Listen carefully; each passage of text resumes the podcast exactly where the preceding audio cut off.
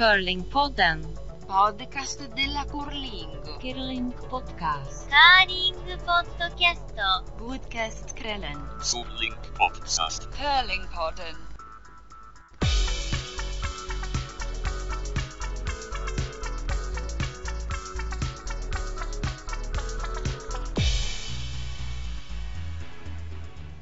Välkomna ska ni vara efter fyra månaders uppehåll här till podcast nummer två. Det har ju tagit ett tag på grund av olika anledningar men eh, främst för att jag gjort glass eh, hemma och spelat fotboll och helt enkelt haft, haft sommarlov. Men sen kom ju eh, Marcus och Vincent ut med sin podcast här så jag kände att helt akterseglad ska jag inte bli, så nu, nu kör vi. Och med mig har jag inte vilken gäst som helst utan det är en av våra allra största curlingspelare någonsin. Hon har vunnit dubbla OS-guld, ett gäng EM-medaljer och tre VM-guld tror jag. Och det är Eva Lund. Jo. Två VM-guld, är det så? Ja, en som junior också. Som Ja, räknar in. ja det räknar vi in. För då är jag tror jag en av de få i världen som har gjort faktiskt just de här att ta både världsmästerskap på juniorsidan och seniorsidan har jag fått höra. Okej, men det var inte med samma lag som ni vann? Nej, det var inte samma lag. Nej, det är jag som spelar individuellt bara som har den. Ja. Vi kommer till det sen vilka du spelar med då, men eh, om vi börjar med hur, hur, din, hur du började med curlingkarriären. Hur kom du in på curling? Mamma och pappa spelade och det var i en curlinghall, eller förlåt, en hockeyhall i, i Upplands Väsby. Så då gjorde man curlingisar på torsdagskvällar. Så då var det drag, alla, det var ju då, eller aldrig så att säga, så skulle man spela så var det då. Så vi fyllde oftast fem banor. Ehm, och det var jättekul. Så att, eh, det var rätt sent också, det var 7 till 11. Så mamma och pappa, jag fick inte börja, jag fick vänta och vänta och vänta för jag var inte gammal nog. Nej, så jag var så motiverad när jag väl fick börja, när jag var 12 år fick jag liksom på riktigt komma varje gång. Annars hade jag provat på lite. Så att, eh, som Ja. 12-åring startade jag, så det är ju rätt sent. Ja, men jag tänkte hur visste du vad det var? Du fick vara där någon gång ändå? Ja, absolut. Och tittade man pappa spelade. Det var ju en tävling vet jag som hölls i Uppsala som hette Guldäpplet som var något sånt där jättekul jippo med Ja, men den fest finns så fort. Den spelas nog nästa helg tror jag. Ja, och den brukade pappa spela bland annat. Det var så här som satte sig i minnet på mig. Då satt jag i den hockeyhallen liksom bakom sargen och tittade på när pappa spelade och var flera år faktiskt fascinerad av spelet som jag fortfarande är. Jag tycker det är en fantastisk idrott. Och vad var dina föräldrar? Var de bra spelare? Någon spelare man borde känna igen liksom? eller? Nej, absolut inte. Utan klubbnivå bara. Ja. Och för att det var kul. Mm. Så det, det var bara för nöjes skull. Ja, och du var 12 år sa du när du Ja. började. Mm. Ja, som du sa, du har vunnit junior-VM-guld. Ja. Första laget du hade, var det laget också vann junior-VM-guld med? Eller hur? ja, det var det. Var det? Så var det gänget som vi hängde ihop från början. Och Vilka var det då? Eh, Det var Maria Söderqvist och Åsa Eriksson och Elisabeth Brito. Så det var... Nu är jag för ung för att veta vem de är. Nej, de slutade allihopa eh, i och med att juniorkarriären tog slut. Vi Okej. Två skulle börja studera på olika håll i Sverige och en kändes inte motiverad så att eh, jag blev ensam far egentligen. Och så Ja. var det min syrra som är tre år äldre, hon fick aldrig vara med om juniorkarriären. Hon var med i vårt lag hela tiden men, men fick inte uppleva de här juniorframgångarna. Vi bildade ett nytt lag då med, Fenglar från Stocksund. Så då spelade jag ett tag med, med Stocksund. Mm. med Katrin Kjär och Åsa Kjär. Och, eh, ja, hankade oss fram lite grann. Det fanns väl fortfarande en dröm om... Jag tror att jag alltid har vetat om min egen kapacitet. Men, ehm, men i första hand har det alltid handlat för mig om att njuta av att spela. Ehm, Mm. Sen så får man ju efter förutsättningarna har kan man sätta upp mål. Så när jag väl blev tillfrågad så småningom att få vara reserv åt Anette eh, under ett eh, Europamästerskap så fick väl de lite upp ögonen för mig och eh, det ena ledde till det andra så småningom när jag gick med i laget. Eh, Som sen är 99. världens bästa lag genom tiderna. Ja, det, Det, är- det är väl trevligt? Det är trevligt. Att spela tid. Ja.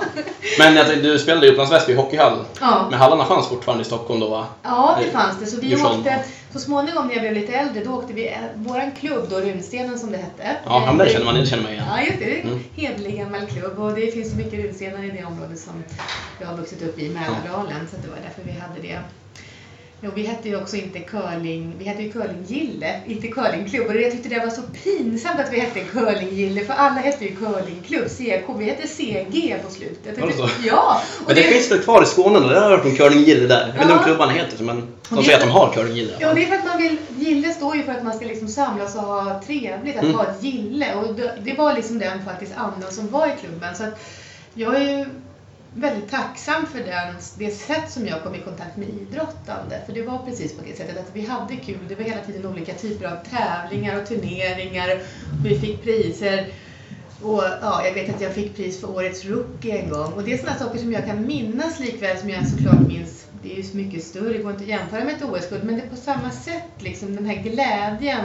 Och Det var stort då det liksom. var det. stort då att få bli årets rookie Ja. i Rutan Väsby curlinggille. Ja, Det var en härlig klubb och det var många lärare som var engagerade i klubben och så det var skolmästerskap, så det var stor ungdomsaktivitet faktiskt. Jag tror vi då var den tredje största klubben på ungdomssidan i Sverige fast vi Okej. inte ni hade ingen hall. Det är ju riktigt bra. Men det var häftigt, så den där, det var som en, en, en brum som de hade sprayat guldfärg på och satt upp på en tavla. Det där var ett vandringspris och det var ganska häftigt att på alla liksom högstadieskolor i- Väsby så visste man vad curling var och att det här skolmästerskapet var. Så det var en himla kul. Det är ändå snyggt, för curling var inte så... Alltså innan jag hade OS-guld så var det inte så många som hade ögonen öppna för curling. liksom. Nej, precis. Men i Väsby var det ändå stort. I Väsby Ja, var det stort där jag växte upp faktiskt. På det viset att ja, det var liksom, ja, det drog många ungdomar. Ja, det har gått mig förbi. Jag har hört att Härnösand har varit stora. Ja. Sundsvall var ju stora förut också. Men Väsby har jag aldrig hört talas om ens. Jag var tvungen att googla upp det igår. Ja, just det. Och då, det var första gången jag såg det, spelade i Väsby, att det kommer därifrån. Liksom. Ja, det är där jag kommer ifrån. Så, så småningom sen så åkte vi hit till Stocksund. Det var ju, den här, nu har vi en ny hall här i Danderyd men det låg i Stocksund eh, Mm. tidigare och där spelade, tränade vi på måndagarna då. Så torsdagar och måndagar var, var liksom curling för mig. Mm. Det var stor klubb utan en hall, det är ju... Ja, Det är galet, alltså. Ja, vi var 80 medlemmar. Det var ju oftast liksom nästan alla på plats hela tiden. Ja. Mamma gjorde alltid fika, så vi samlades alltid inne i de här omklädningsrummen som i en hockeyhall. Alla som har varit i en hockeyhall vet hur det luktar i ett omklädningsrum. Ja. Där satt vi och fika Ja, innan. ja, visst, det var jättemysigt. Så man träffades och så fikade vi först. Det var innan sju då, så man hjälptes åt att göra isen, bära ut stenarna och sånt där. Mm. Eh, Hur var isarna då? Var det jättetrögt och fall och grejer? Fall Ja. i alla fall. Jag kommer från Leksand, det är väl light-variant. Vi hade curlinghall, men Ja. Eh, vi hade fall ganska Mm. ofta också. Oftast var isarna ganska lätta dock, för de var liksom, det var ju nyspolat och så nypevlat. Och, Ja. Så att, eh, g- bra glid tycker jag nog att vi hade. Liksom. Det var inget tvåhandsgrepp för att komma över isen liksom? Nej, det var det ja, inte. det var det. så ingen frost och sådana här saker som det kanske kan bli Nej. i hallar om de står och man inte har kontroll på luftfuktighet och så. Men, men däremot fall. Och det var ju också någonting jag tror i mitt eget spel, om jag tittar tillbaka på min karriär. Jag tror att det här med min kreativitet och alltid lust att se möjligheter, det tror jag kan komma lite därifrån. För det var inte enkelt att Nej. veta hur man skulle kunna komma till ett visst ställe. Vissa Man ställen trixa sig dit liksom, eller hur? Ja, precis. Ja. Vissa ställen valde man ju att försöka vicka till där det inte gick att slå bort. Ja, eller hur? Där, för där var det fall. Eller? Där var det Det var fall. som en gard. Ja, precis. Perfekt. Men jag tänker klubben nu, den finns inte kvar va? Nej, tyvärr Nej. gör de inte det. Mm. Men sen i alla fall, du spelade i Runstenen tills ni la ner eller? Ja, tills det att mitt juniorlag försvann och den vevan någonstans blev nog klubben lidande. Det hade ju att göra med att Ja, det vart mer okej för folk att resa. Eh, Det var svårare för oss att få tider i, i ishallen. Jag tror till och med att de skulle börja ta ut hyra där, vilket curlingklubben inte hade råd med. Nej. 200 000 eller någonting. Det var ju samma sak som att säga att vi behöver istid till hockey. Ja. Och tyvärr är det ju så med de här stora idrotterna att de, de har ganska mycket att säga till om. Mm. Så att, eh, det vart hockeytid och då, då försvann Runstenen och blev liksom en vilande klubb. Mm. Mm. Och du höll inte på med hockey eller och sånt där? Nej, det Fotboll, gjorde jag aldrig. Ja, lite grann Ja. och lite gymnastik. Jag höll på med lite blandat sådär. Det var ingenting jag hade fastnat för förrän jag fastnade för curling. Nej. Men sen var det vidare i alla fall, det började bli... Det var när du bytte klubb kanske, då blev det lite mer seriöst då eller? Ja, så småningom egentligen när, när tillfället bjöds. Jag tror att jag som skip kanske har haft en styrka just det här med att skapa mm, möjligheter med det som jag har, eh, det som finns att erbjuda. Så att vi bjöd väl lite grann motstånd då för eh, ja, lag Elisabeth Gustafsson och Anette Norberg på den tiden då, som var outstanding. Jag menar, vi var inte på deras nivå men vi kunde nog spela en del jämna matcher och göra Mm. lite klurigt för dem att, att slå oss. Och Det kan vara riktigt kul också, vara underdog som bara kommer hit och Jajamän. Och vi livrädda för att förlora mot er antagligen. Visst, så är det ju. Och visst att vi kanske var lite krångliga. Och så 98 då frågade ju Anette. jag hade varit med Elisabeth Gustafsson också som reserv 93. Så Mm. det var egentligen mitt första EM-guld fast det var ju som reserv då, då för Ja. 93-laget. Och eh, så att de hade väl lite ögonen på min talang helt enkelt. Så det var väl det som egentligen möjliggjorde min karriär sen att, att ja, andra lag hade sett och ville få med mig i sitt lag då. Så, Då blir man uppskattad och då känns det bra liksom. precis. Vill jag ta in lite mer, eller hur? Ja visst. Ja. Men sen, eh, sen kom det där bytet kom i alla fall. Ja, det kom Vilket då. år är det? Till- 98 var jag reserv och sen efter det så följande säsong eh, så vart jag med i Laga Rätt Nordberg och vi var fem stycken. Och jag tyckte det var kanske inte helt självklart från början att kliva av rollen som skipper. Jag behövde tänka lite på vad det skulle innebära för mig och, och det val som man faktiskt gör då. Mm, jag tänkte precis fråga det också. Hur, Ja. Det måste vara stor skillnad som jag har skippat hela tiden antagligen. Ja, och jag tycker att det är en rolig del av spelet. Ja. Men um, sen kände jag en, en attraktion för den rollen för att det är ju en lite otacksam roll på många sätt. Man får inte den uppmärksamheten kanske som, som kaptenen får. Men, eh, och det behöver ju nödvändigtvis inte vara vicekaptenen, men någon i laget behöver vara den som kaptenen kan luta sig mot, som skapar den här tryggheten på isen. För att det är ingen människa som är ett orakel och alltid vet vad man ska göra. Och, och fyran ska avsluta och skippa. Och, jag menar, behöver ju såklart understöd från hela laget och inte bara en person. Och när Anette och jag så småningom började lära känna varandra så var ju det en fantastisk resa tror jag för oss båda och för, jag menar inte bara oss, det, vårt lag handlade ju inte bara om Anette och mig men, men våran kombination av personligheter och vad vi ville göra, vi fyra, skulle jag säga var det som gjorde oss så framgångsrika som lag. För att Mm. vi, vi byggde verkligen på våra styrkor. Mm. Det är perfekt, du svarar på alla frågor jag ställt rader utan att ställa dem. Det är hur bra som helst. Ja, bra! Ja. Men vägen Men det dit var ändå- inte spikrak. Nej, jag tänker när du kom in i laget nytt. Det måste ha varit en annan attityd antagligen mot det laget du hade haft innan. Oh ja, och jag var ju väldigt tyst i början. Jag tog ju absolut ingen plats. Då handlade det ju mer om att ta in det här laget och se hur det fungerar och lära bygga relationer. För att som så mycket annat i livet så handlar ju jag, tror också att det handlar om relationer. Vilken relation får du till, till varandra inom laget och mellan personerna? Det är, så att det är viktigt att man lägger tid till att skapa relationer så att man sen har någonting att bygga vidare på när man åker i konfliktsituationer och kanske tycker olika. Mm. Att man har den här relationen att vi- liksom vila sig tillbaks på. Och vi var fem också i laget då och man skulle rotera och herregud, det, Det är tufft aldrig alltså. lätt. Vi hade alltså. så lika förra året, mitt lag. Inget bra, för då blir vi gör mycket med det mentala, det här med liksom att vad ska man bänkas då när man har haft en dålig match? Och vi vet ju alla att man kan göra en superdålig match och nästa match kan man göra fantastiskt. Så Ja, att ta de besluten baserat på hur man levererar är jag tänker då svårt. ni rullade väl inte på alla spelare heller? Nej, jag antar att Anette spelade. Ja, Spelade du också hela tiden? Nej, jag gjorde inte det i Nej. början. Men, jag menar, då småningom blir det så också lite såhär, är alla lika viktiga här? Behövs, behövs Ja. jag lika mycket när jag får sitta på bänken? Precis. Och jag kom ju liksom in och de hade ju haft andra vicekaptener och sen Ja, det, det, det, innan man hittar sina roller så är det lite svårt. Ja, ja men jag känner igen det absolut. Vi gjorde likadant förra året. Då var det jag och Rasmus som spelade hela tiden. Mm. Men de andra fick rulla. Jag vet inte, det kan ju inte kännas lätt alltså. Nej, det Och sen blir det så här, och de, de pratade, Axel Sjöberg pratade med efter det också. Han, han hade liksom svårt att gå ur. Då får man sitta en match. Och då går man liksom ur fokus. Sen ska man försöka komma in i matchen Ja, nästa som kommer. Och, ja, man, är inte liksom, man är inte här uppe hela tiden. Nej. Nu sitter jag och pekar här för mikrofonen. Men det, jag, jag håller med. Och så blir det så att när vissa matcher går väldigt bra och man har den här flytet i både spel och kommunikation, då får ju alla någon sorts liksom det här blir en favorituppställning och, och sen Mm. så kan ju den variera. Men, men det, ja, det, det är svårt att spela fem. Jag tror att jag menar, det framgångsrika lag, man behöver bara fyra helt mm, det skulle jag också. Jag skulle inte rekommendera någon att spela fem. Nej, inte jag. Så länge det inte för det mest sociala bara åka runt och ha trevligt så liksom. Ja, då både, kanske till och med man vill sitta Ja. man är lite trött. Kan man, kan man inte vara åtta då? En morgon och en kvällsuppställning, det är ju bra som helst. ja, exakt. Ja, men det beror såklart på Men på nivå. Men satsar man mot eliten så tror jag inte på det heller alltså. Nej, man behöver vara fyra. Man behöver Mm. hitta de här rollerna och, och Mm. inom laget. Men du kom in där 98 va? Ja, det gjorde jag. Och då hade, visst hade det varit Elisabeth Gustafssons lag som hade dominerat ett tag innan va? Absolut. Ja. De var ju var det fyrfaldiga världsmästare va? Jag vet inte när de tog sin sista titel, jag är lite dålig på år. Men de var ju dominerande på liksom världscurlingen hade de ju varit ett tag där. Mm. Och då ska jag bara få nämna alla namn för att ni inte bara ska veta skippernamnen så var det också Katarina Nyberg, hur? Mm. Louise Marmot och Elisabeth Persson. Just det. Ja. Ja. Fantastiskt bra lag det med faktiskt. Mm. Med sina väldigt tydliga roller och ansvarsuppgifter. Och det var ju, det blev en stor kamp mellan er sen, eller hur? Oh, absolut. Det var väl var den största riktiga curling som, eh, jag vet inte om du har lyssnat på Marcus och Vincent podcast, men de snackar om curlingintrigerna. Ja, ja, ja. Ja, det måste ha varit den största riktiga curlingintrigen mellan era två lag. Jajamän. Där 2002 va? Ja, verkligen inför OS. då. Ja. Mm. Det var säkert inte jättelätt, men det var väl jättebra för curlingen tror jag. Ja, och för, och för oss Ja. blev det ju väldigt bra. Alltså jag skulle säga att att inte ta ut oss, som då på ett sätt var det hetaste laget, för vi Mm. hade ju precis vunnit VM-silver och EM-guld när OS skulle spelas. Ja, det är helt okej resultat liksom. Det är ett helt okej resultat. Ja. Då, då, då är man på gång.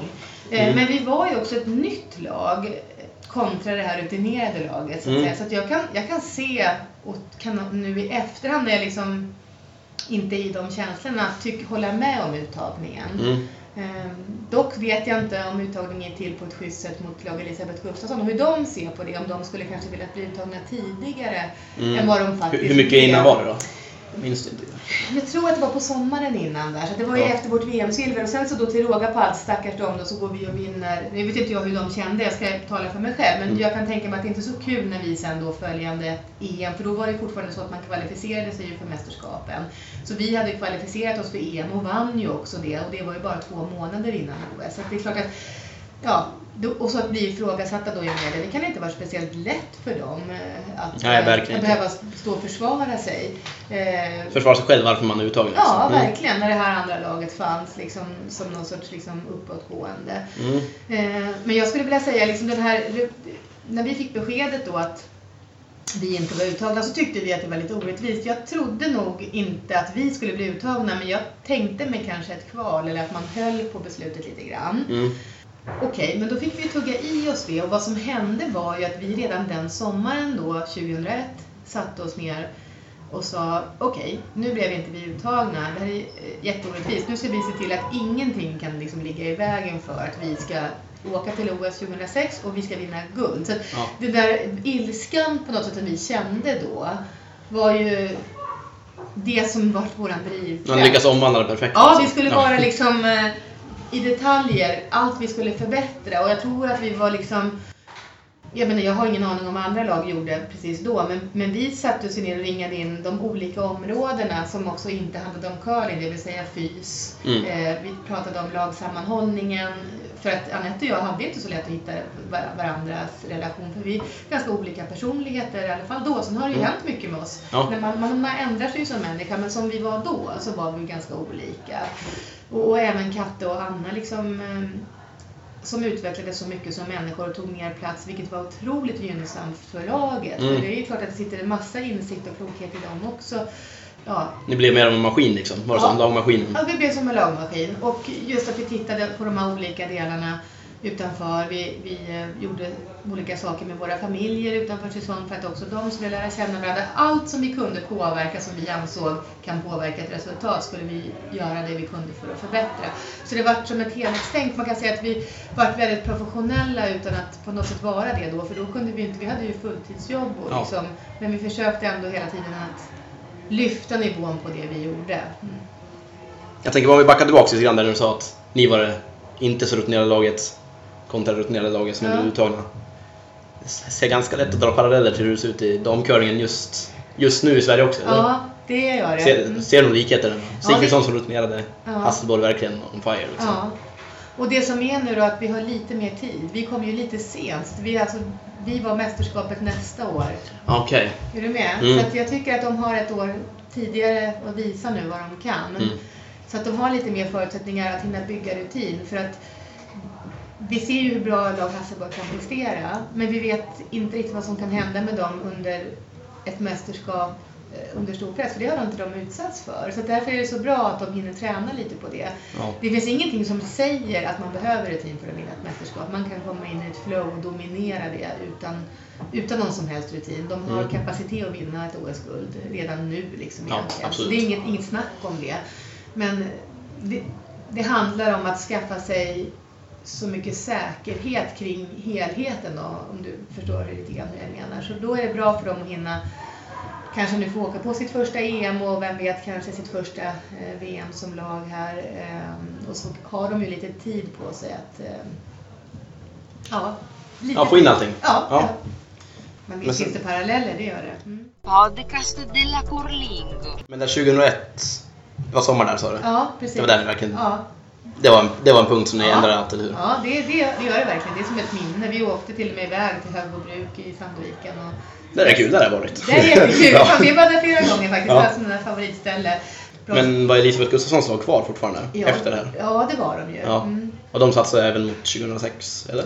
Var ni med? När slutade de sen? Ja, det var en bra fråga. Nej, de slutade nog efter att de egentligen misslyckades då på Ja. 2002. Jag tror det. Och sen så kom ju Sigfridsson egentligen som vår värsta konkurrent. Mm. Eh, Och då var det 2006. Margareta, Maria. Maria. Åh, jag borde ju veta det här. Men det- Var Nina med då också? Maria var, kan ju inte ha varit med. Nej, Maria var inte med. Och jag undrar om Nina kom med så småningom. För att vi, vi hade ju lag från Sundsvall. Och gud, jag är så, är så hemskt mycket om ursäkt, men jag är så dålig på namn. Och jag är dålig på mina egna årtal. Så jag, får, jag hoppas inte att det är någon som tar illa upp Jag har haft ett gäng konkurrenter också. jag har jag haft tro. ett gäng konkurrenter. Och vi hade ju, jag menar, innan vi fick, eh, vi fick med Anna eh, Lemoine som hon heter nu då, eh, var ju det svegslaget också Mm. otroligt talangfulla som aldrig liksom lyckades hela vägen. Ja, De har ju mer- meriter från seniormästerskap men de hade ju kapacitet att bli så mycket bättre. Så varför de inte lyckades och varför vi lyckades och sådana här saker, det är ju spännande. Och sen så Men småningom... det kan ligga mycket seriösa nivå inför då. Jo, det kan det ja. absolut göra. Mm. Men när kom Anna in i laget då? Var... Hon kom med 2003, var det det? Mm. Jag skriver ner att ni tog VM-brons det året. Ja, Kan det det? och då kom hon med i laget. Ja. Spelade ni alla mästerskap som var kvar mellan mellan 2002 och 2006? Ja, jag tror det. Ja, ni, var på, ni vann varenda elitserie, varenda Ja. SM. Och vann ju flera EM i rad. Jag kommer inte, usch, jag kommer inte ihåg hur många. Men jag Det måste är ju inte sån där som är... Nej, det, det, Jag är, jag, jag så, hör jag är inte det. så noga med sånt där. Nej. Även om jag är väldigt stolt över allt så är jag liksom inte en sån som... Nej. Men ni måste ju varit som en alltså, dundersegermaskin där. Ja, det alltså, var ni har ju Det varit som hur jag- många viktiga matcher som helst som ni Ja. har gått in och... Om jag, det, det, det har jag väldigt tydliga minnen för när det här händer. Därför att det är ju så att eh, VM på hemmaplan i Gävle är också ett sånt här minne som då ett sätt, på ett sätt inte är angenämt men å andra sidan är en nyckel till framgången. Jag Mm. menar, först hade vi det här inte bli uttagna 2001, stor drivkraft, planer som ska göras. Mm. Och så går det ändå rätt så bra för oss. Liksom, och vi tar ju medaljer och, och guld och sånt här. Mm. Men så kommer ju VM på hemmaplan i Gävle, i Gavlerinken. Det var ju Mm, jag var där och kollade. fint. Men då var jag jätteliten så jag minns inte så mycket. Nej. Jag minns finalen som Peja spelade. Ja, det var ju fantastiskt. Då satt vi på läktaren då tyvärr. Men Ja. det var kul att få se dem ta del av deras glädje. Men vad som hände var att inför den säsongen hade vi sagt att vi skulle ta medalj. Eh, Vi, vi, hade typ den här lite mer vaga mål i början därför att Mm. inte sätta för stor press på oss själva. Var det som en trappa också? Ja, det var liksom, som en trappa, Ja. precis. För vi visste, vi hade liksom satt upp att det här behöver vi träna på för att vi ska kunna sätta att vi ska vinna guld och så vidare. Vi behöver vara i så här många slutspel och så vidare. Mm. Eh, Och då hade vi satt medalj. Men sen inför den här, det här mästerskapet, dels är vi hemma och dels har det gått jättebra den säsongen 2003-2004. Så helt plötsligt så hör vi oss själva typ tala om guld. Ja. Och det Till någon tidning och till någon TV och sådär Ja, visst. Och så blir det liksom, förväntningarna sätts där. Mm. Och sen när vi väl är ute på isen så, så blir vi liksom, ni vet det här när krav ska hanteras, eh, och när man liksom låter det komma liksom i fokus, då Mm. blir allting svårt. Då är liksom varenda uppgift svår.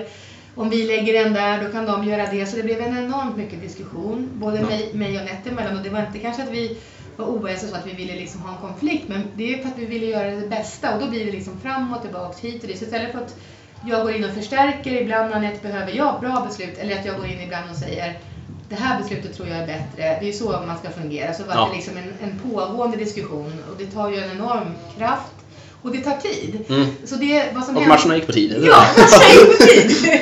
Så att vi har förlorat tre matcher på tid. Och Det här är sant. Alltså, att på slutet får vi alltså forcera matcherna och förlorar alla de tre matcherna på sista sten. Så Ja. jag menar, Och det är inte så konstigt heller, man måste stressa iväg de här stressar, så vi håller ju inte fokus. Vi lyckas ändå krångla oss till ett särspel. Och jag tror att det var mot Jackie Lockhart från Skottland om jag minns rätt. Ja, det är inte kanske av så stor betydelse, men vi åker ur i särspelet och hamnar väl då om det är en femteplats eller en sjätteplats eller vad det nu blir i den här Mm. särspelsstegen. Och, och då kan jag ju säga att det var rätt nattsvart alltså. Eh, både vad man kände för sitt lag, liksom, vad man Mm. kände för sig själv, vad man kände för lusten till det liksom, bottnar ändå som jag sagt för mig alltid att det ska vara roligt, Ja. även om det är kul att vara framgångsrik.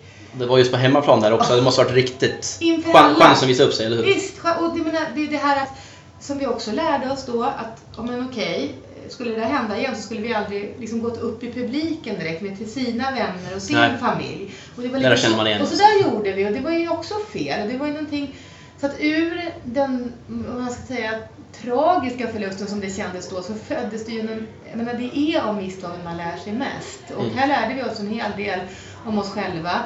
Jag fick lära mig en hel del om vad fan min roll som vicekapten är. Det var inte Anette behövde säga åt mig utan det kände jag ju själv sen efteråt att det här hade jag kunnat gjort så mycket bättre liksom. Mm. Och, eh, och Anette hade kanske fick lära sig att hon behövde välkomna in mig. Så det är ingen, det är ingen maktkamp här om vem som har den vassaste hjärnan. Lägger ihop hjärnorna så blir det bättre Ja, precis. Och ge varandra utrymme. Ja. Och, och framförallt det som hände efter den eh, eh, tävlingen var att det var då vi bestämde oss för att vi skulle ha ledord, man kan kalla det för värderingar. Det hade vi inte haft innan. Därför att eh, för vår coach då, som är min man så var det ju jättekonstigt att sitta och titta på oss. Först hade han varit med hela säsongen och vi hade det liksom rätt så lättsamt om man säger så då, och vi liksom löste uppgifter. Så fick han bara sitta och se hur vi liksom egentligen bara kämpade hela tiden och, Ja. och ingenting var kul. Så då satt han och funderade på vad, vad han behövde göra. Då, hans lösning blev då att vi skulle tillsammans en hel helg jobba igenom det här, vad som krävs för att man ska vinna. Och att man själv kan uttrycka och sätta ord på vad det är, vad det är i ett sammanhang. Mm. Eh, Så då började vi jobba med det. Eh, Och då var det ju fyra ledord som vi kallade för trygghet, positivism, fokus och glädje. Så det var de fyra orden vi hade. Vilka, du vet på intro till svenska currymatchen? Ja, Är, är det de där fyra orden som står där? Det är tre i alla fall, visst är det? är det det? Vilka var som jag det var nu? Trygghet, glädje och så positivism kallar vi det för. Jag vet inte, det ordet finns tror jag inte. Ja, Jag nej, det inte vad det betyder. Nej, de två är inte med. Och så fokus. Ja, det är glä- glädje och fokus är med. Ja, du kan gissa vilket som ord som var Anettes här. Eh, jag skulle gissa på fokus. Ja, det Skulle jag- ja, exakt. Ja. Och det är roligt och, och jag kanske då är mer åt det här liksom positivismhållet eller Ja. och, och, och klä, trygghet kanske då, ja det behöver ju alla men katter och glädje annars. Mm. Man kan säga att det, det var Det är ganska tydligt där. det är kan man se det bra. Ja. hur vi är. Och det är också när vi liksom identifierar det och tycker att det är okej. Och Det var inte som att vi hade valt ett varsitt ledord utan det vi gjorde sen var att från början hade vi ganska många ord vad det innebar. Som att för mig till exempel så var trygghet ögonkontakt. Och ögonkontakt var någonting som Anette inte gav så mycket. Mm. Men när jag satte ord på att men, jag känner mig trygg om vi bara håller ögonkontakt så här när vi möts. Ja. Eh, så, Och det var alltså hela tiden efter en spelarsten, en efter en. ja, Ja. jag behöver ögonkontakt på Mm. banan. Punkt. Liksom. Mm. Och så kanske för Anette så var det si eller så. så att man kan säga att vi sätter upp ganska tydliga spelregler för vad vi ville ha, vad alla behövde. Eh, och sen kunde man inte liksom gå och checka den där listan eh, under match, men vi satt i princip och diskuterade igenom, för det är lätt att glömma bort vad det är någon annan behöver, alltså i form av glädje. Liksom. Vad, är, vad betyder det för dig Fredrik? Liksom för, att du ska, för det betyder inte samma sak för mig. Nej. Och på det sättet jobbade vi sen för att liksom se till att nu ska vi leva upp till de där ledorden. Så vi var återigen, det, vi låter ju, när jag tänker på det, som otroligt tråkiga. Ja. Men det Men det var verkar precis så det var. Ja. Eh, för att det hjälpte oss, du vet, liksom, det blir ett team, man spelar så mycket så att man tar varandra för givet och man tar för givet att allt ska bara finnas där. Mm. Men, eh, men vi jobbade med det där och ju mer vi lärde oss det, för det var ju under flera år, för det här var ju efter 2004 då, så, eh, så satt ju det här i ryggmärgen och, och Stefan ibland när han tyckte att det krävdes, ibland pratade vi inte om det här med ledorden, men ibland tyckte han att, nu tyckte han att det var dåligt liksom, fokus på banan. Då kunde han säga så här, Eva, du, du tar fokus nu, liksom. du ser till att det är fokus, alla andra ska ha fokus. Och då var det, var liksom det lite grann min uppgift. Man kunde få ett ledord som man normalt sett inte gillar och Anette kanske fick någonting annat. Alltså, så att vi på något sätt kunde i snack med vår coach få ett uppdrag att nu ser du till att det här också finns på plats liksom, i laget. Liksom. Det är otroligt väl genomtänkt allt det här. Alltså det är ju, Ja, det, det, det, var jag tror inte det kan vara många lag, vi är inte i närheten av sådär som ni har jobbat. Nej. Men eh, man märker att det verkar ha fungerat också. Ja, jag tror, jag Det- tror det gjorde det. Ja. Och eh, ja, det är rätt häftigt att vi gjorde det här också helt utan egentligen Tittar man på verktyg och liksom vad en coach gör, jag har ju själv i min, min yrkesroll fått gå lite coachutbildningar, jag är inte liksom någon beteendevetare så, men jag har fått en del liksom, vetenskap bakom, så gjorde vi otroligt mycket rätt saker Mm. eh, utan att veta. Så vi gick lite på magkänsla och, och eh, klokskap som fanns i gruppen och skapade det här. Och vi hade ju jättemycket press på oss då, liksom säsongen 2004-2005, eftersom att Mm. vi tyckte vi hade misslyckats. Och att dörren var lite öppen då för andra lag. Men då hade ni fortfarande vunnit EM där va? Och vi hade det, Ni- men vi var ganska stränga.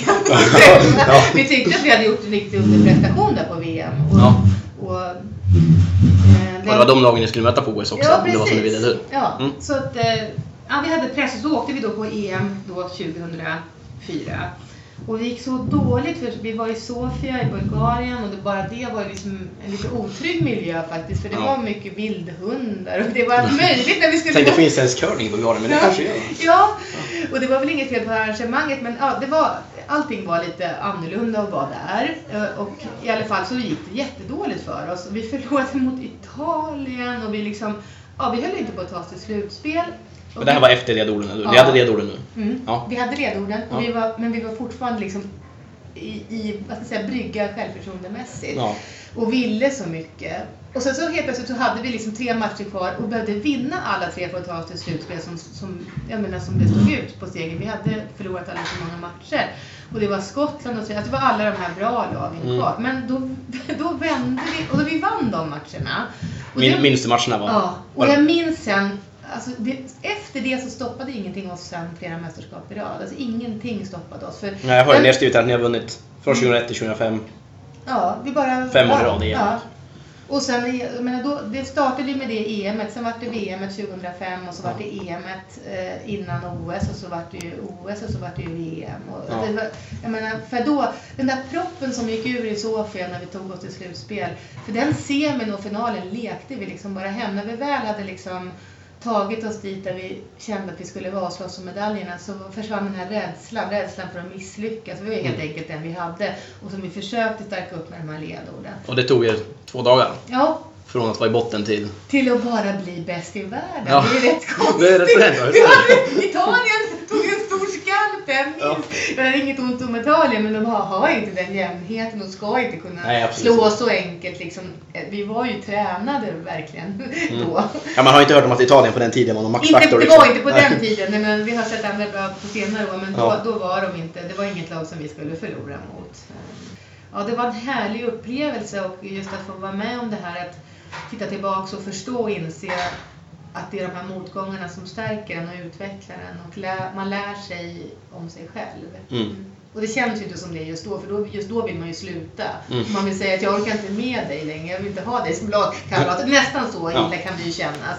Var ni nära någon gång att splitta upp Nej, det? nej. Men, det, men det, jag vet när vi satt där i någon bil i Gävle, jag tror vi grinade, knappt pratade med varandra. Men just då, vi sa väl att vi skulle sluta, men det kändes bara botten allting. Jag tror vi, det var något uttalande stackars Jeanette hade gjort, liksom, om det var Expressen som skrev. Jag menar, där var ju hon också grön. Jag menar, säger du någonting, det är inte hennes ord. Nej. Och då var det något om min prestation och jag hade spelat dåligt, liksom, men det är inte så kul ändå att läsa det. Nej, du fick läsa. Du fick väl inte höra från henne som hade sagt det? Nej, inte det heller. Hon kanske inte riktigt hade sagt det heller. Nej, och så, så fick man läsa det och så, ja men då blir det ju jobbigt mellan oss liksom. Så Mm. det var ju någonting som jag tror att, ja, nu hade vi ju sån jäkla tur alltså, så att de här mästerskapen stod i fokus. Då lyckades ju vi, jag menar vi vann OS-guld två gånger. Jag menar vi Mm. hade ju, andra gången det inte hade gått bra, då hade vi fått, då hade vi också fått uppleva hur det var att få stor negativ press liksom. Jag Mm. menar, men vi var ju bara journalisternas gullungar.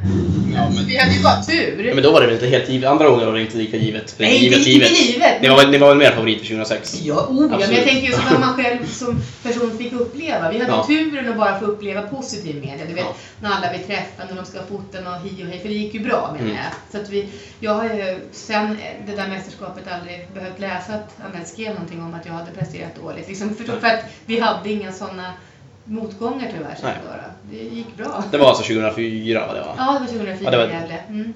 Enda riktigt dåliga, Ja, det var då. dåliga pressmottagningar fall. Ja, Mm. ver- verkligen. Dålig pressmottagning och dålig prestation av både laget och mig själv. Liksom då. Mm.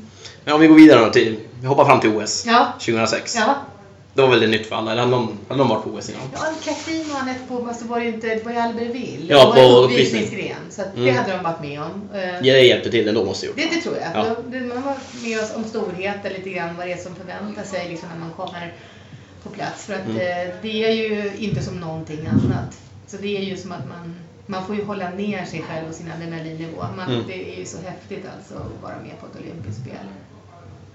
Och det var i Turin, eller ni spelade i Trentino eller vart? Ja, Pinerola Pinerola. Pinerola, Ja. just det. Och vi bodde ju i, i, i Turin, så vi bodde i OS-byn. Ja. Vi hade även eh, hotellrum i staden när vi hade morgonmatch. Så, kunde vi, så vi bodde där två gånger. Mm.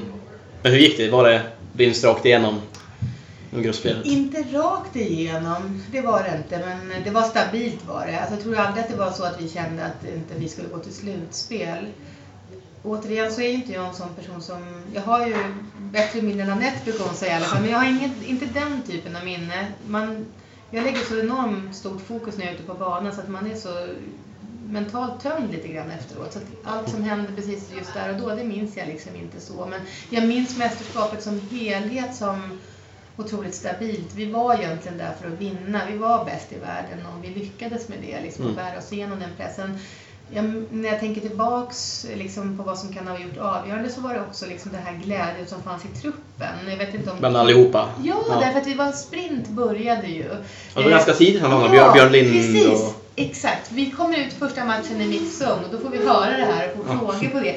Och det är liksom, ja, det bara är som någon sorts liksom sånt här go som finns i, i, i huset där man bor, mellan laget, Tre Kronor. Och vi var ju väldigt liksom, om man säger nära så tillvida att man, man är, man bor i samma hus, man äter på samma, man följer varandras matcher, Mm. damkronorna. Eh, ja, så både, både herr och damhockeylagen och men det mest framgångsrika vinterolympiska spelen med 14 medaljer och 7 guld. Så det var Mm. ju enormt kul. Skönt att vara med på det, du. Ja, precis. Det var riktigt nice. Ja, verkligen. Och vi, hade, vi fick en eh, bra start. Jag vet att vi hade Skottland tidigt med Rona Martin då, som var regerande. Visst måste de ha varit regerande? Ja, det var de, det var. Ja, mm, olympiska mästare. Och, ja, vi vann en hel del nyckelmatcher. Men också som jag sa, jag minns eh, USA, eh, att det, de hade en sten som skar i en skiljeomgång och så. Så det är små marginaler när man tittar tillbaks som avgör. Mm. En tur var det inte bara. Nej, det var det var det verkligen nej, inte. nej, det, det, det, det tycker jag faktiskt inte heller. Jag Var det någon gång vi var bra i vår karriär så var det där runt 2005, 2006. Mm. Och där, vilka mötte ni i final? Var det, var det Schweiz? Ja, Schweiz. Ja. Ja. emot. Och då den där stenen måste vara den mest kända svenska stenen någonsin. Ja, den var dubbeln. Ja. och den vill jag spela hela tiden. Anette var ju liksom inne på draget där ganska länge. Men Mm. där, där gav inte jag mig för att jag tänkte att här blir det svårt att spela. Inte för att Anette, hon är ju en fantastisk spelare, hon är ju mångsidig och eh, men just adrenalinet och du ska få den här stenen att- stanna där inne på fyrfoten. Och Mm. Jag tyckte att det här slaget med dubbeln Det bättre kändes som rätt. Ja. Ja, och hon är så bra på dem också. Och, eh, Jag minns farsan hemma, han satt och dömde ut den totalt när ni hade valt uppgift. ja. Han tyckte ni skulle dubbel men åt andra hållet, fattar du? Aha, Yttring. okej. Mm. Men han tycker alltid att man ska göra tvärtom, så det är perfekt. Ja. Men det, det, det, det, är det jag minns från den stenen. Sen, sen, sen var det bara... Så hände det och så vann vi. Jajamän. Känns, känns som ett okej val då. Ja, det var fantastiskt. Och jag minns själv också från den finalen att jag ska göra någon sorts rensning där i början av sista omgången måste det vara. Vi leder ju med två, jag tror att de tar en tvåa för att få skiljeomgången. Mm. Mm, Men då är det i alla fall en av mina stenar som inte liksom, den träffar lite för, om det är för tjockt eller för tunt. Alltså det, det handlar ju bara om någon centimeter. Så Mm. deras sten går in så att säga. Ja, och blir en poängsten Mm. och kommer med i spel.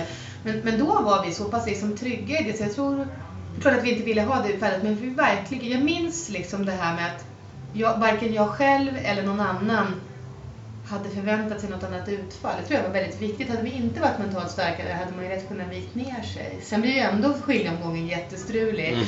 Och Katte gör ju en fantastisk dubbel där. Eh, Hade hon inte, för de hade så jäkla bra skotte då. Mm. Att, eh, Jag försökte hitta den och jag går inte... Du har den säkert hemma.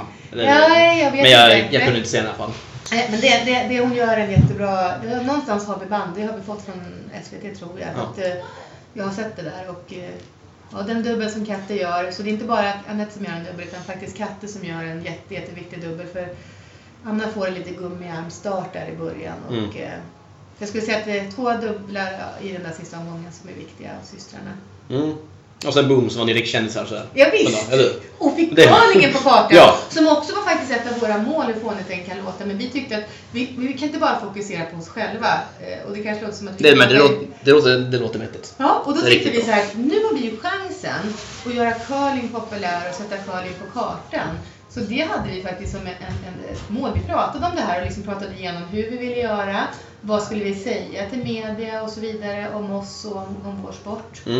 Eh, för vi kände att det här har vi aldrig varit med om, men när vi, den åldern som vi befann oss i, liksom tioårsåldern. Och, Mm. ehm, just att få chansen att sen föra ut vår sport, för den var verkligen inte på kartan då. Vi Nej, gjorde ju curling mer eller mindre folkligt, höll jag på att säga. Ja men typ, ja, det var väl då jag började spela lite tävlingar vid den tiden ungefär. Då visste jag vad det var. Men jag har hört att de som är kanske 5-6 år yngre, de fick förklara att det var på is. Ja, Till exempel, man hade stenar. Precis. Och sen efter, jag- efter blev det en riktig boom i uthyrning speciellt. Ja, för folk som ville komma och prova. Ja.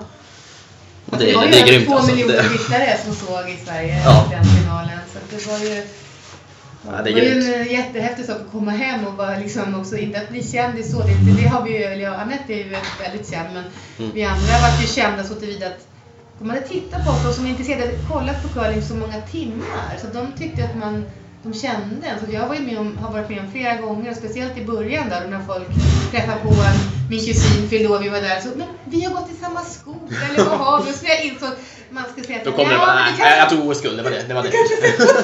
jag, jag kände att det var lite pinsamt. Det har hänt ganska många gånger Ja. faktiskt. Att folk, för, de, för man är ingen stor kändis men alla vet vem Zlatan är eller Ja. liksom så här, eller vet exakt. De känner igen en och kan inte placera en liksom. Nej. Men det beror ju på att de har tittat på på ens ansikte så, så många gånger Ja. och spelat. Så det är kul. Det var- det är fantastiskt att få vara med om den här resan och att, det, För att, folk tycker att curling är en jätterolig sport att titta på. Ja. Och då under OS, ja, man tog fortfarande uttaget va? Det var Stefan Ja. Hasselborg som Ja, det tog, tog, uttaget Mm. som det görs nu ungefär. Då. Ja, Men det var fortfarande kval till EM och VM Ja, det inför, var inför det. 2006 eller? Ja, och det, Det var, var- det var det- i hela vår karriär. Var det Ja. När var de ändrade? Jag hade för mig att det var typ 2008 men det kanske inte var. Nej, jag tror inte det. Jag tror att vi spelade till oss, och men gav ju bort platsen också till Cissi Östberg. Ja just det, för de... För vi ville inte spela VM då det året efter vi hade spelat OS. Vi orkade inte. Nej. Vi hade fått massa barn och... Ja, det var en massa jobb det ena och det ena det andra. Så Ja. vi ehm, ja, kände inte att vi hade kraften. Det var väl lite olika känslor för det där. Men, men där måste ju laget fatta ett beslut och det var ju helt rätt. Men känner man att man inte orkar, då ska någon annan få spela. För det är ett fantastiskt uppdrag att få representera Sverige. Det unnar jag alla som vill. Mm. Podcast della Curlingo. Att sen eh, efter OS där 2006 Ja. så tog ni ett VM-guld av bara farten också. Ja, det gjorde vi. Ja, det var, det, det, var, det var kul också. Ja, det var Då det. var det ganska mycket media på det där också. De Ja. måste ju haft koll på er spelare så ganska tätt inpå ändå. Verkligen. Ja, Jo, det var det. Och eh, vi var bara hemma någon vecka tror jag. Två Ja. veckor och så åkte vi. För det var ju Kanada då dessutom så vi skulle ju tidsomställa. Ja, Mm. Så det var väldigt intensivt. Mm. Det var helt magiskt och så var vi vann ett VM. Ja, det, Jag minns att det, blev, det måste ha blivit stor, stor grabbpoäng ha samlat in på ett år. Ja, det måste vi ha gjort. Typ. Ja. Det, det är okej. Ja, precis. Exakt. Vi samlade inte ett par stycken där Ja. under ett tag. Jag minns det mästerskapet för vi var ju egentligen mentalt trötta. Och eh, jag minns efter någon match, jag vet inte om jag hade vunnit eller förlorat, men då satte jag mig bara på liksom den här skumgummisargen och kände att nu orkar jag liksom inte röra mig härifrån. Nej. Jag tror att vi hade förlorat då. Det var liksom så lite, åh Ja. nej vad... Ja, men Nu var det bara semester liksom. Det var som hämtade. Precis. Ja. Ja. det var fantastiskt att få vinna där. Jag tror vi till och med släppte en fyra och tog en fyra i finalen. Ja, antingen var det Men serie Bjöd på en show alltså. Bjöd på en show. Det är verkligen... Ja, det var otroligt. Ja, det är härligt. Mm. Nu har vi liksom gått igenom ett VM 2006 på en halv minut här. Ja, precis. Men eh, som var din karriär så vi, jag tycker vi går vidare där. Ja. Podcast della Curlingo. Är det så? Ja. Nej men vad fåglarna. ja, det är konkurrens här. Ja. ja, men vi... Kommer det här med nu? Ja. Ja. Nej men vad fåglarna. Podcast della Curlingo. ja, vi kan ta det från det. Ni börjar, ni börjar satsa igen mot Ja, OS. det gjorde vi. Men det var lite mera saker som eh, vi inte kunde kontrollera, där livet eh, går före curlingen så att säga. Det här med Mm. att, jag menar både jag och Anna ville få barn och eh, ja, det hände skilsmässor och lite sådana saker Mm. som gjorde att vi inte liksom riktigt vikte, visste hur planen skulle se ut. Förut hade vi styrt liksom planen och alla måste leva efter de förutsättningarna. Nu gjorde vi precis tvärtom egentligen. Vi hade vår talang och vår erfarenhet och sen hela tiden så optimerade vi våra planer så att vi kunde ibland anpassa ner träningsmängden beroende på vad som hände liksom just med oss som individer. Vi kunde säga att vi skulle egentligen haft ett träningsläger. Vi hade alltid träningsläger på platsen innan ett SM eller elitserie för att vi ville Mm. kartlägga alla stenar och ha järnkoll på det. Mm. Så vi var alltid precis liksom veckan innan där och hade det. Men det tog vi till exempel bort krav på då för att det var bättre att stanna hemma. Då hade vi mer, jag menar, om vi hade små barn och så, så är det ju enklare och mindre energi att behöva resa iväg till Sundsvall eller Sveg Ja. eller vart det nu var. Så perfektionen gick ner lite grann. Ja, precis. Men ni hade mycket mer rutin. Mycket mer rutin och man kan säga att perfektionen gick ner på ett sätt men å andra sidan så låg det kvar på samma nivå. För vi hela tiden har ju haft som mål hur får vi ut mest av laget. Mm.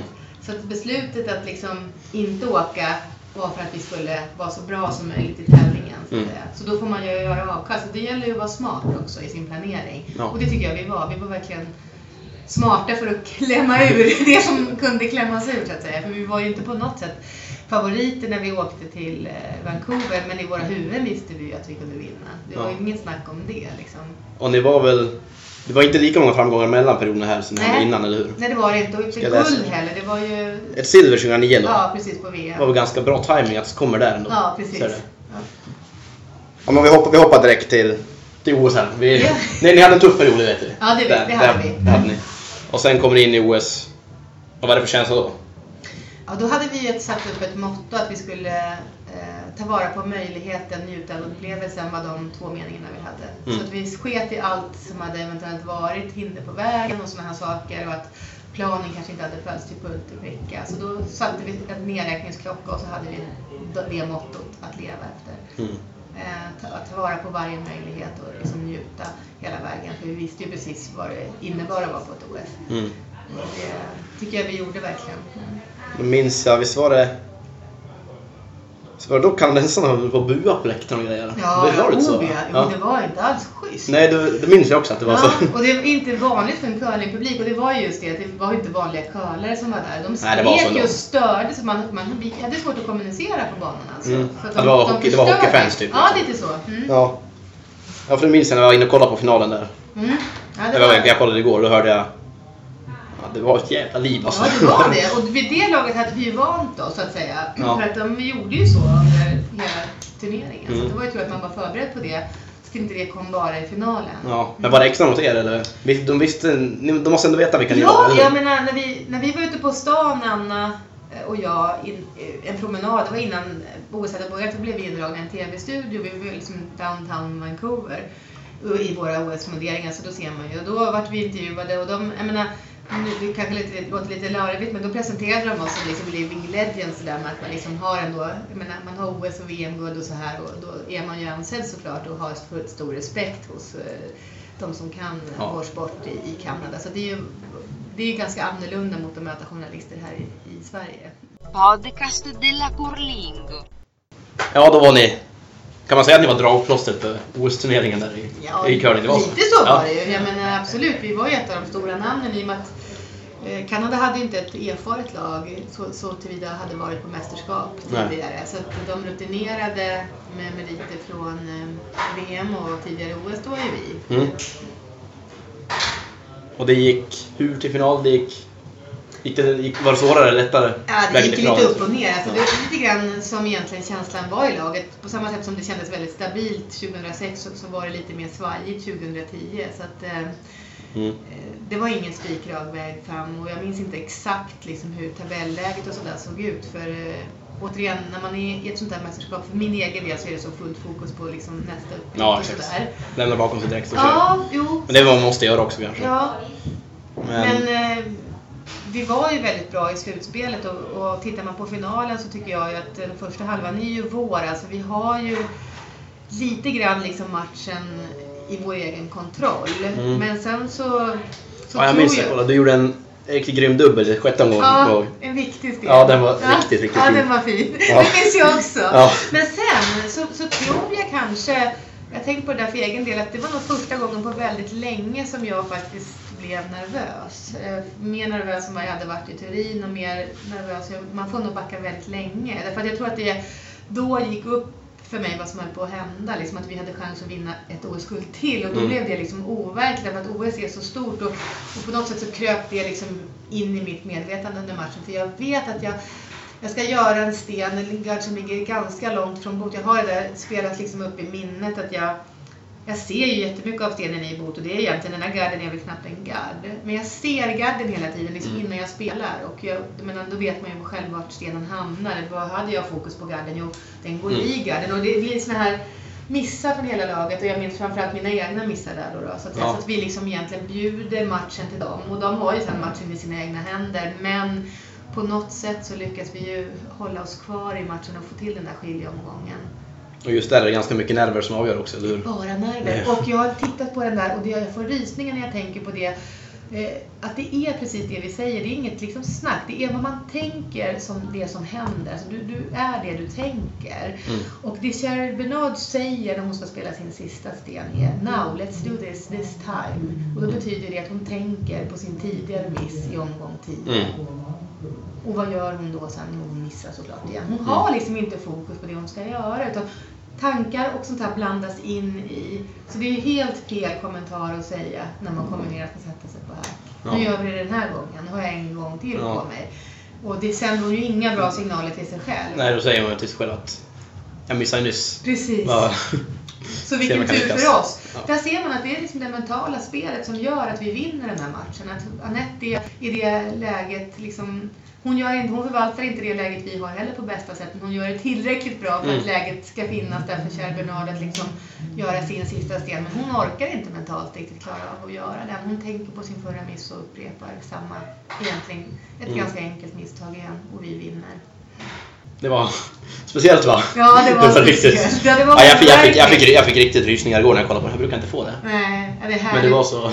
Och för mig är det liksom så kul att se tv-bilderna för att jag menar, det- att, få man, att uppleva den där känslan är- skulle man ju kunna betala pengar för. Jag antar att det är lite grann som att vara narkoman. Ja. Det var som ett, ett rus. Det det är någonting som inte går att liksom det stannar en kort stund men man känner ju som att man håller på och lyfter till eh, månen eller någonting sånt där. Och sen att Mm. man nu kan se bilderna på när de zoomar in vår familj. Jag kan se mina barn. Anna är ju så liten då men, Mm. men Adam är ju eh, ja, större. Så Mm. han, han, eh, jag menar, det här glädjen som han och även de andra anhöriga, mina föräldrar, det, är- det är så otroligt. För att det är ju just det här att få dela sin framgång först med laget men sen också när man är på ett OS då man delar det faktiskt med hela Sverige för då är det helt plötsligt är det ju vi. Mm. Vi vinner, vi vann guld säger folk. Och det, alltså, att jag har fått vara med om att folk känner så. Ja, det, att, att hela landet har vunnit. Det, ja, det är för mig det bästa. Det är bättre än medaljerna, det är bättre än någonting. Om bara prata med dig så känner jag liksom att jag blir så Ja. rörd av Ja.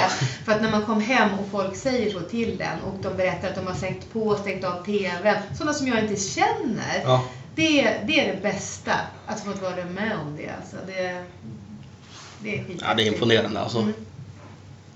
Och sen efter där, då var det... Då var det klart eller? Då var det klart. Ja, det var. Det var, ni hade... Jag tror att vi hade... Jag, jag, hade, jag hade egentligen gärna velat fortsätta tror jag om jag ska vara helt ärlig. Men jag insåg nog att jag hade inte, hade inte riktigt ett val att göra. Därför att jag hade ju fått Anna då, vårt andra barn, 2007. Och hon är född med kejsarsnitt och i slutet på i september, ungefär 26 september. Sen spelade jag ju EM och då vann ju vi i början på december. Och det är egentligen alldeles för tidigt när man har gått igenom en så stor operation. Mm. Och jag helammade henne och sådär. Så att vi vann det EM-guldet där, då, så stolt har jag aldrig varit över mig själv. För jag brukar normalt inte känna mig stolt över mig själv. Men då gjorde jag faktiskt, jag grät glädjetårar av Ja. stolthet för vad jag hade kunnat klara av. Liksom, att jag hade faktiskt var tillbaks jag var ju liksom inte i form någonstans. Jag hade ju liksom ramlat första sliden jag gjorde. För att mina bukmusklerna Ja. är ju avskurna Ja. eh, och så. Eh, så att eh, det var otroligt eh, stor upplevelse för mig personligen. För laget var det ju inte lika stort. Men vi hade ju vunnit EM förut. Men för mig var det stort. En av de skönaste vinsterna. Ja, faktiskt någonsin. var det det. Ja. Jag var stolt över att jag hade liksom lyckats på något sätt bita ihop. Jag hade mjölkstockning och 40 graders feber. Och jag spelade ändå för jag ville absolut inte... Och det där kan man ju undra liksom, vad är dumt och vad är inte dumt? Vad, vad gick gränsen för vad som var bra för laget? Nu lyckades jag ju prestera. Ja. Men kanske var jag lite envis där. Men det, det, det har nog tagit, min envishet har tagit mig långt också. Man måste nog ha rätt mycket, rätt stor dos av det för att kunna... Ja, För att bli bäst. Ja. Som det blev så alltså. är det. Men där, det var... Efter 2011 så slutade ni? Ja, det, var- var- det, ja, det var det som jag skulle egentligen komma till. Att jag tror att jag hade gått på liksom lite mer än vad min kropp orkade med. Så att allting var bra i mitt liv och sådär. Men eh, jag kände att okej, jag har en familj nu och jag har ett jobb som jag behöver för att jag hade ingen möjlighet att försörja mig på curling. Nej. Eh, Nu kanske det finns lite mer sponsorer hoppas jag, men vi hade det liksom, ja, vi hade det bra absolut och vi fick ju jättefint stöd från SOK men det var inte som att det blev pengar över som kan Nej. spara undan. Nej, det, Eller så, jag va? tror inte så heller nu, det vet Nej, jag men, men man, klar- vi- jag, menar, jag är jättetacksam för allt vi har fått men det betyder att jag behövde ha ett jobb. Alltså, jag kunde inte bara göra curling. Och då kände jag att okej, jobbet, eh, familjen och curlingen, nej. Och vad är det jag kan välja bort då? Vill jag välja bort familjen? Absolut inte, det är det första. Ja. Och jobbet behöver jag ha och jag trivs där också så det är självklart, jag måste försörja mig. Mm. Ja men då måste jag välja bort curlingen för curlingen är liksom det här lyxiga som jag har fått vara med om så mycket kul. Så att hur svårt det än var då, då så, um, så var jag tvungen att fatta det tror jag. Men det var svårt och jag tog för mig, jag var inte i en curlinghall på mer än ett år för att jag orkade inte rent känslomässigt åka dit för att jag tyckte att jag saknade så mycket. Mm. Så för mig var det stort när jag blev tvingad att spela en sten, eller liksom jag var eh, på sånt här, jag hade lovat att ställa upp på något företagsevent och då sa, ja men kan inte du spela en sten Eva?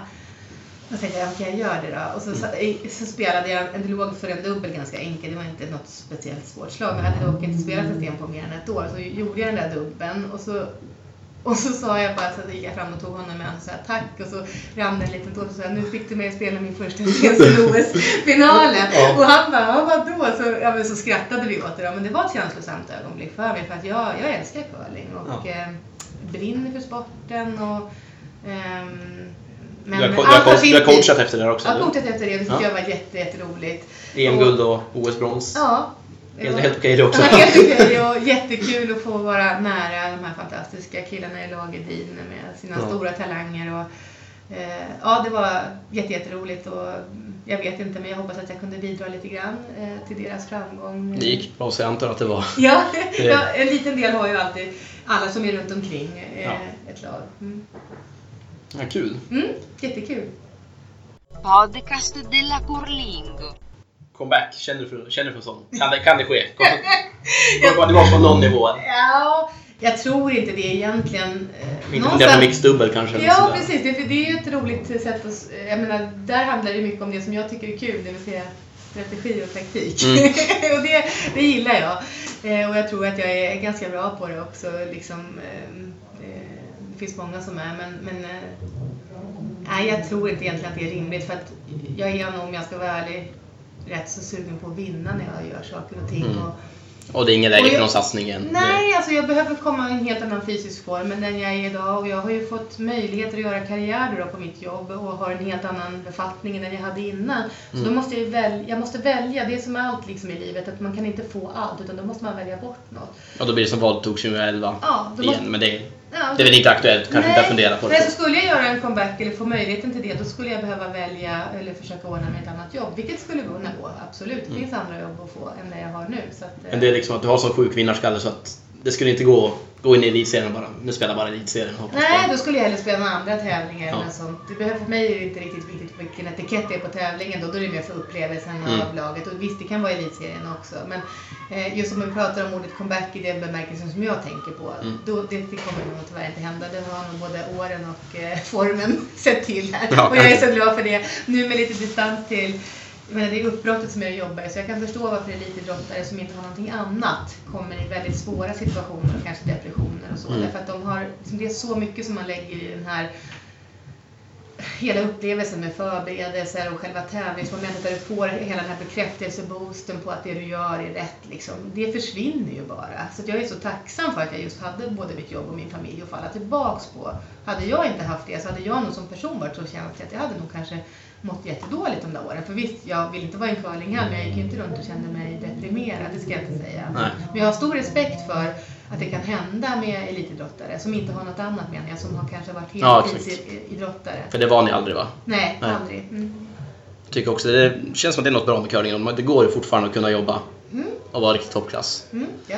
Det hoppas jag kan fortsätta vara också. Visst, det Ja. blir en ytterligare plattform man står på som man växer ifrån liksom, sitt yrkesliv. Mm.